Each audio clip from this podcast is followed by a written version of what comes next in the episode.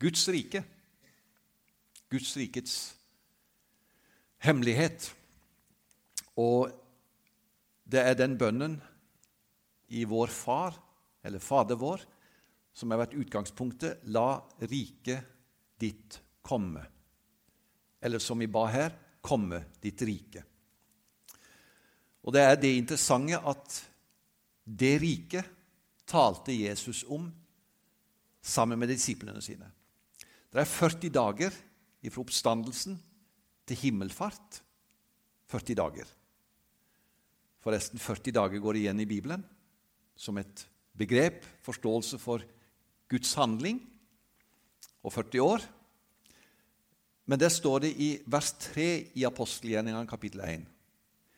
I 40 dager viste han seg for dem og talte med dem om det som har med Guds rike. 40 dager, og nå har det snart gått 2000 år. Så 40 dager er mikroskopisk. Men poenget er at han taler med deg om Guds rike på en måte som gjør til at de som lever i ettertid, skal forstå hva Guds rike handler om. Så ser jeg fram til dagen da Jesus kommer igjen. Men fram til den dagen så er det Guds rike imellom oss nå det handler om. Det skaper òg forventning om det riket som skal komme. For når vi er sammen i det riket som er nå, så smaker vi allerede litt av det kommende riket, som blir fullkomment. Du har antagelig kjent litt smaken. Det er omtrent som du tar og smaker på det himmelske festbord. Så godt er det. Så fint er det. Når du kjenner kjærlighet fra Jesus, kjærlighet mellom oss, glede når du opplever 'det var godt'. Det er litt av den kommende verdens krefter, som det står om i Bibelen. Og Jesus har sagt han skal være med oss alle dager. Og nå er Jesus her, og han går mellom oss. Og Jeg leker litt med ord. Det er jo litt av det som jeg driver på med. Komme dit rik. er. Rik. Rikdom. Det rike er fullt av ressurser, av rikdom, av skatter og noe av det skal du få kanskje smake på i dag.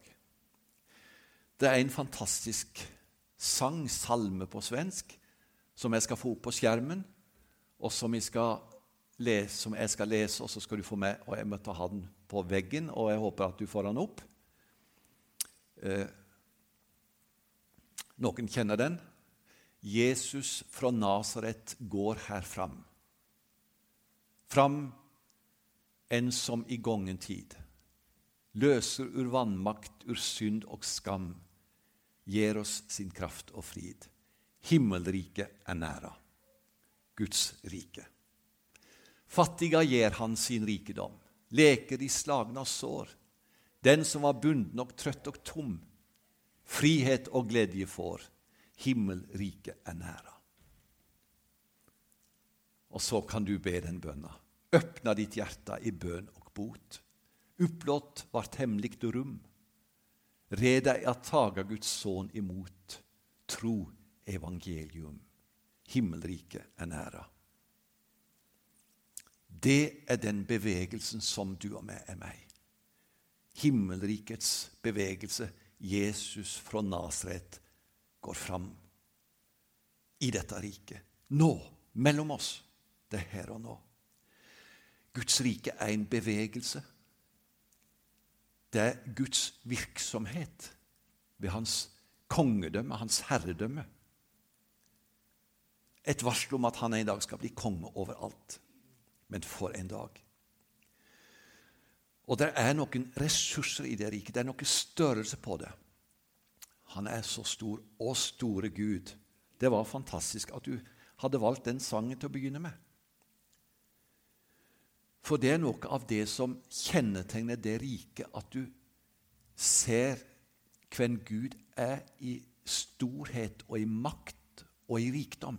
Gud er større. De gamle sa Deus semper major. Gud er alltid større. Gud er stor. Og Guds skaperverk, det varsler å si at Gud er så stor. Når du ser det skapte Det er ikke for ingenting at han sang 'O store Gud', når jeg ser det du er skapt, når jeg underlig aner. Det er fantastisk. Og vet du, denne verden er skapt av Gud og holdt oppe ved hans makt. Og det er en overflod i denne verden som er tegn på Guds skaperkraft. Jeg er ofte på Kjønnefoss, en plass oppe i Telemark, som jeg har fortalt om. Og kona mi, Lillian, elsker å plukke bær. Hun elsker å plukke blåbær. Er det noen som liker å plukke blåbær? Hun elsker det. Men hun får jo ikke plukke alt. Hun sier det er mengder igjen. Det er ingen som til dags dato har plukka alle blåbær som finnes på Kjønnefoss.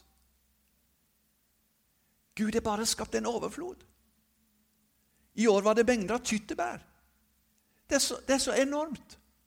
Så, så, Guds rikdom, Guds tegn i naturen Og Når du skal lære å kjenne Guds rike, så skal du sette et blikk på Guds storhet i skaperverket.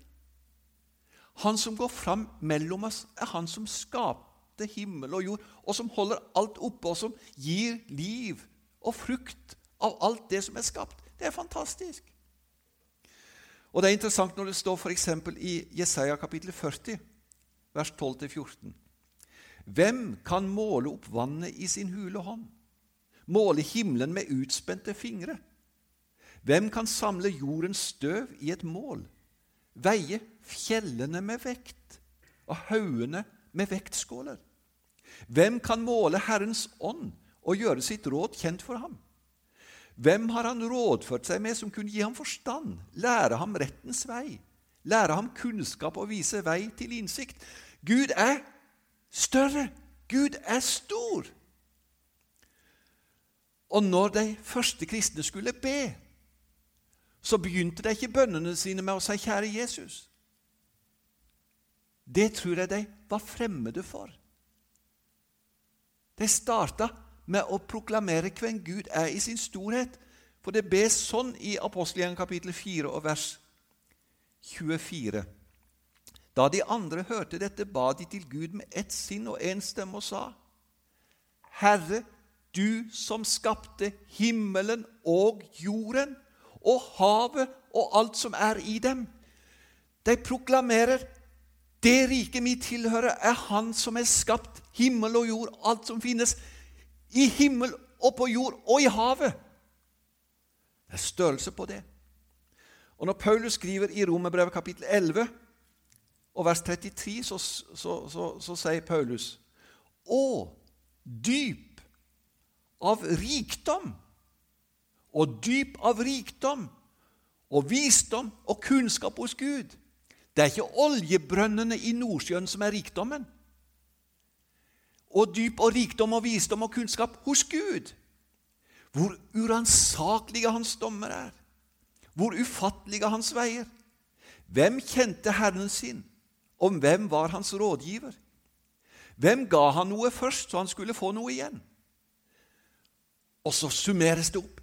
For fra ham og ved ham og til ham er alle ting. Av ham, ved ham til ham er alle ting. Det er ikke rart han proklamerer og sier 'Ham være ære i all evighet. Amen'. Vi spleise på et lite halleluja. Og de som møtte Jesus når han gikk fram, de skjønte at her kommer han som har alle himmelens ressurser. Ikke alle skjønte det, men mange skjønte det.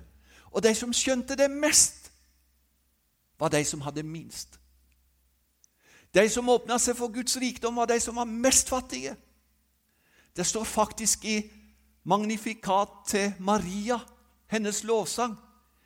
De rike sendte han tomhendte bort, men de fattige ga han gaver. Så kom det en spedalsk. Og så diskuterer han ikke med Jesus om sykdommen sin. Men han møter Jesus, og så skjønner han om du vil, så kan du gjøre meg ren.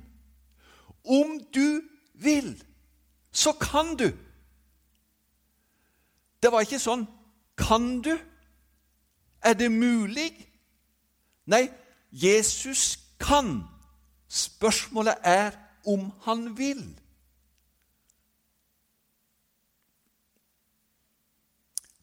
Alt det Jesus vil, det kan han. Alt det han vil, det kan han. Og han kan alt som er nødvendig for ditt og mitt liv, for tid og for evighet. Spørsmålet er når han vil det. For her er spørsmålet når jeg er sykdom, når det er elendighet Kunne han gjøre ende på alt nå? Det kan han. Men det er et uttrykk som vi bruker. Allerede, men ennå ikke. Gud har kontroll, og en dag skal han vise sin makt i herlighet. Alle konger blir avsatt, alle presidenter blir umyndiggjort. Alle blir satt i rettferdighetens lys hos den store kongen. Men den spedalske skjønte om du vil, så kan du. Og så får jeg si jeg er fattig. Jeg er begrensa. Det har jeg kjent på til dags dato. Og når jeg er 65 år, så skjønner jeg at jeg må begynne å omfavne noen begrensninger i livet mitt. Lars spurte, eller var det Astrid som spurte om jeg hadde hoppa på trampolina? Sånt driver jeg ikke på med lenger.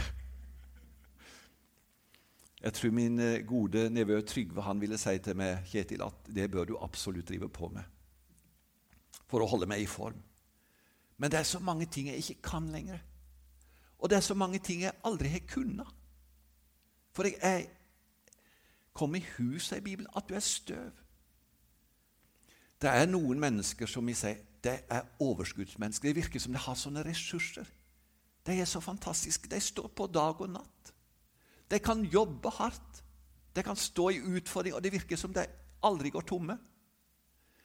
Men det er vel sant om alle vise og mektige i denne verden at de må ha søvn.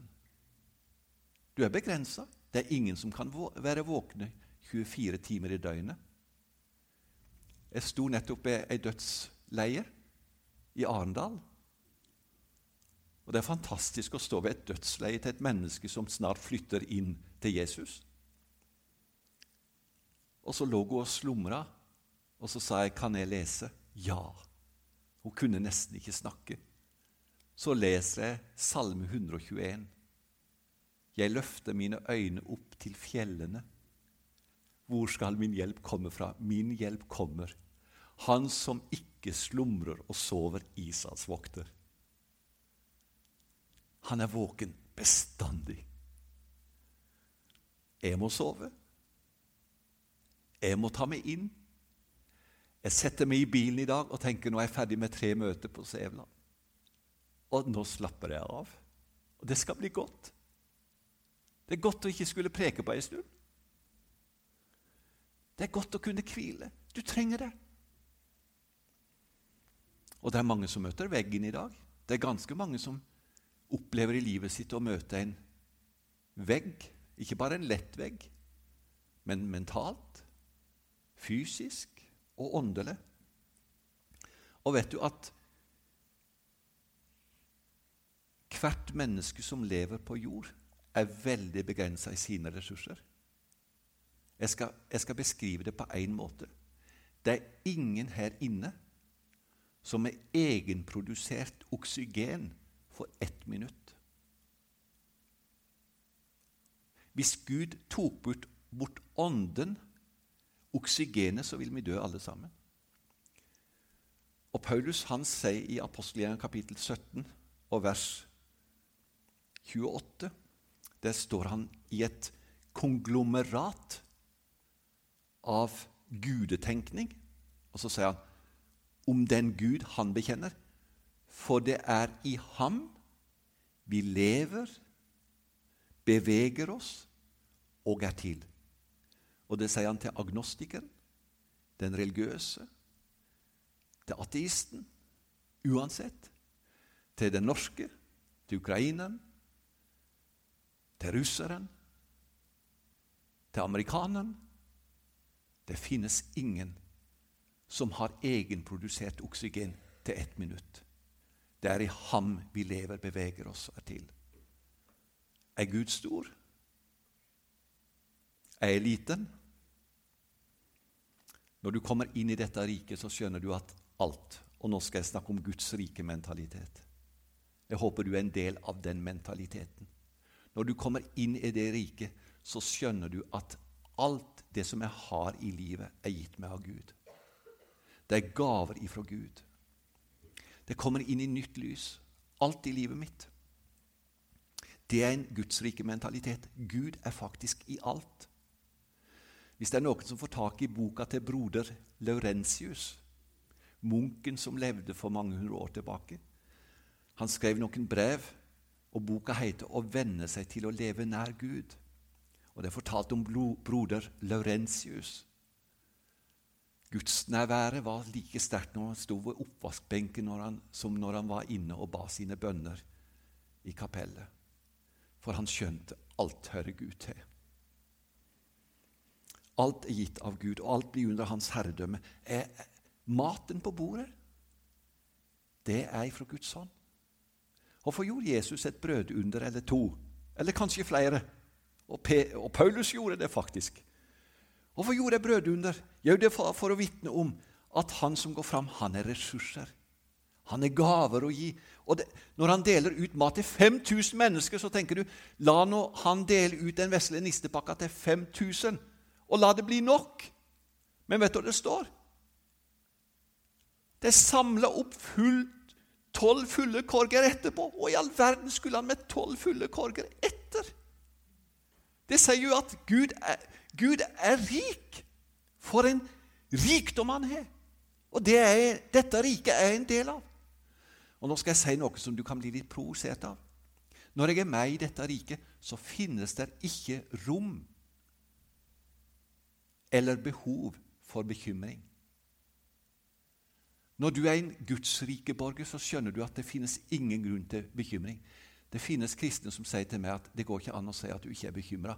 Jo, ut ifra Det nye testamentet så sier Jesus du er ingen grunn til bekymring. Se på fuglene under himmelen, liljene på marka. Gud bryr seg om deg, ikke en spurv til jorden uten at Gud. Det er ingen grunn til bekymring når du er en del av dette riket. Jesus går fram mellom oss, og jeg håper at du blir satt fri til å leve som en fri borger i det riket. Og så er spørsmålet hvordan skal vi få folk med inn når Jesus går fram. Jesus fra Nasaret går her fram enn som i gangen tid. Og nå skal jeg gi det på slutten av min tale, de siste åtte-ni minutter. Så skal jeg tale om hvordan Jesus går fram i dag mellom oss. Og du er med i den bevegelsen da Jesus går fram. Og så møter han mennesker for å få det med inn i det riket. Når Jesus går fram, i det riket i dag mellom oss, så møter han den mislykka. Og har han å si til den som er mislykka i livet? Den som har gått tom i livet. Det mennesket som sier 'jeg har ingen ressurser igjen'. Jeg er på minussida. Jeg vet akkurat hvordan Jesus behandler mislykka mennesker. For det finnes ingenting som er tydeligere i Det nye testamentet enn når Jesus møter mennesker som er gått tomme. Jeg vet hvordan Jesus behandler fariseere. De irriterte han kraftig. Han provoserte dem. Men det var ingen han gleda mer enn de mennesker som var tomme for sine ressurser. En dag er det fortalt at Jesus måtte gå et spesielt landskap, en spesiell vei, opp i Samaria. Og Det står i Johannes 4 i starten han måtte gå gjennom Samaria. Og alle som leser Det nye testamentet, vet at det ordet 'måtte' er med hensikt plassert av Johannes for å si at Jesus egentlig ikke måtte. Han kunne gjerne ha gått en annen vei, men han går gjennom Samaria. Han måtte fordi at han skal møte et mislykka menneske. Jesus går fram i denne verden for på en spesiell måte å møte mislykka mennesker. Han ser etter sånne mennesker. Han søker sånne. Og er du her i dag som kjenner på tomhet? Du er på minussida. Du kjenner på skam. Du kjenner på skyld. Du kjenner på dom. Du kjenner på at livet er gått i stykker. Når Jesus går fram, så går Jesus akkurat til din plass. Der du er i livet ditt. Og jeg er glad for at Jesus ikke møter deg der du skulle ha vært, men der du er. Noen mener at kristendommen har påført menneskers skyld og skam. I dag er det psykologer, terapeuter, som prøver å få bort det de kaller for påført skyld og skam og synd. Det finnes noe som er sant i det. Men kan jeg, kan jeg si for mitt eget liv den synd som jeg har kjent på, den skyld som jeg har hatt, det er min egen. Jeg har synder å bekjenne for Jesus. Jeg kjenner på skyld. Det er mitt eget. Og ingen terapeut, ingen psykolog, ingen kan ta bort den følelsen når Guds ord taler til meg og sier 'Arvid, du trenger en frelser'. Og Da kommer Jesus, og da vil jeg si Guds rike Et annet ord for Guds rike, vet du det er? Det er nådens rike. Eller som det er en sang i sangboka som er litt tung å synge, men er fantastisk. Synsforlatelsens rike. Og du som er glad i gamle ord, vet at det er et godt ord. I synsforlatelsens rike. Og der kom Jesus til denne kvinna, mislykka, tom, ødelagt, skam, følte seg på utsida. Der sitter Jesus på brønnkanten. Og så inviterer han henne inn i en samtale. Og så sier Jesus, helt praktisk kan du hjelpe meg. Og så skal jeg i all verden få opp vann av denne brønnen. Og så sier Jesus, det du drikker av, den seksualiteten som du prøver å tilfredsstille dine, ditt liv med. For å, du, du, du, ønsker å være elska. Du, du ønsker, at noen skal ta hånd om det, og så, og, så, og så, er du tom etter det ene forholdet etter det andre. Det er ingenting som fyller. Om det skulle være penger, og det skulle være, men for henne var det rett og slett Hun var så livstrøtt. Og da sier Jesus så fint i Johannes 4 og vers jeg skal slå det opp så jeg kan sitere nøyaktig Johannes. Og Det skal jeg gjøre til ære for ukrainske venner. Så de får det på bokmål her. Johannes kapittel 4 og vers 14. Men den som drikker av det vannet jeg vil gi, skal aldri mer tørste. For det vannet jeg vil gi, blir i ham en kilde med vann som veller fram og gir evig liv. Jesus Kommer du til meg med det? Kan jeg drikke uten at det er perfekt, uten at jeg føler meg bra? Kom og drikk, sier Jesus. Slik går han fram. Det er en åpen kilde som du kan drikke av. Jesus går fram og møter den som famler etter mål og mening. Nå sa jeg til Lars før jeg kom ned hit i dag, at nå skal jeg stille et vanskelig spørsmål. Eller et språklig, språklig sett er det litt vanskelig å fatte for ukrainere, iallfall. Kanskje til og med for norske. Men spørsmålet mitt er at det er somme mennesker som stiller spørsmålet i dag. Hvordan kan jeg vite at jeg vet det jeg skal vite? Hvordan kan jeg vite at jeg vet det jeg skal vite? Håper at det gir mening å stille et sånt spørsmål. Er det bare å kjenne til det denne verden gir kunnskap om, og vite om ting, og prøve å fange opp kloke menneskers råd? Vår tid har aldri øst slik av kunnskapens brønn og det er ikke bare AI og KI som er på banen, men det er en kunnskapsbrønn som folk øser av og tenker Vet du det du vet som du skal vite? Gjør du det? Jesus møtte mennesker og sier nei, hvis du skal vite det du skal vite, så må du gå til Han som er kunnskapen. Han som, er, har kunnskapens skatter skjult, som det står om i Kolossebrevet. Du må snakke med Jesus. Og det beste jeg kan si til folk i dag, ta og snakk med Jesus om livet ditt, om vandringen din, om retningen på det. Jesus går fram mellom oss, og så spør han kan jeg få lov til å hjelpe deg til å leve det livet som du skal leve. Og Jeg skal avslutte ganske snart med å si at jeg klarer ikke å leve som kristen. Jeg klarer ikke det. Men jeg vet at Jesus han kommer til meg og så sier han, Arvid, det livet du skal leve, det er det livet som du har fått av meg, og det som jeg skal leve gjennom deg. Hvem er det som kan få det? Hvem er det som kan Ingen fortjener det. Men det står i Romerbrevet kapittel 10 han er rik nok for alle som kaller på ham. Og jeg vet at jeg må til utsida av Jerusalem, til Golgata, for å få tak i den rikdommen som virkelig er rikdom. Den som ble kjøpt og betalt med hans dyre blod. Det som han betalte på Golgata kors. Det åpner rikdommens kilde for meg. Og det finnes ingen i denne verden som får kjennskap til Guds rikets rikdom uten å stå ved foten av et kors på Golgata og se Han som døde for mine synder og betalte min skyld, betalte min gjeld. Det finnes ingen annen rikdom å få del i enn å si du døde for mine synder for at jeg skulle få det livet som er så ufattelig rikt.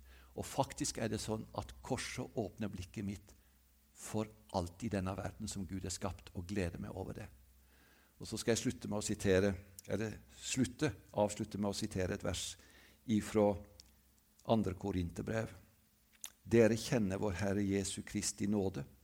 Enda han var rik, blant fattig for deres skyld, så dere skulle bli rike ved hans fattigdom. La oss be.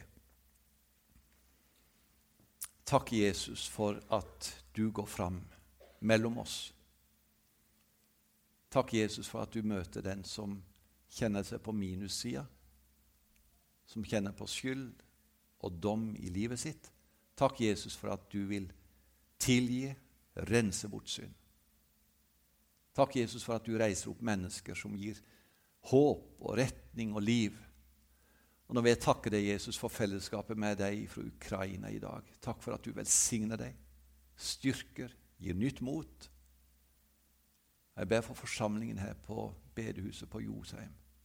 Velsign, og la det være en plass der ditt rike blir manifestert, synliggjort gjennom menneskers glede, kjærlighet og nåde. Amen.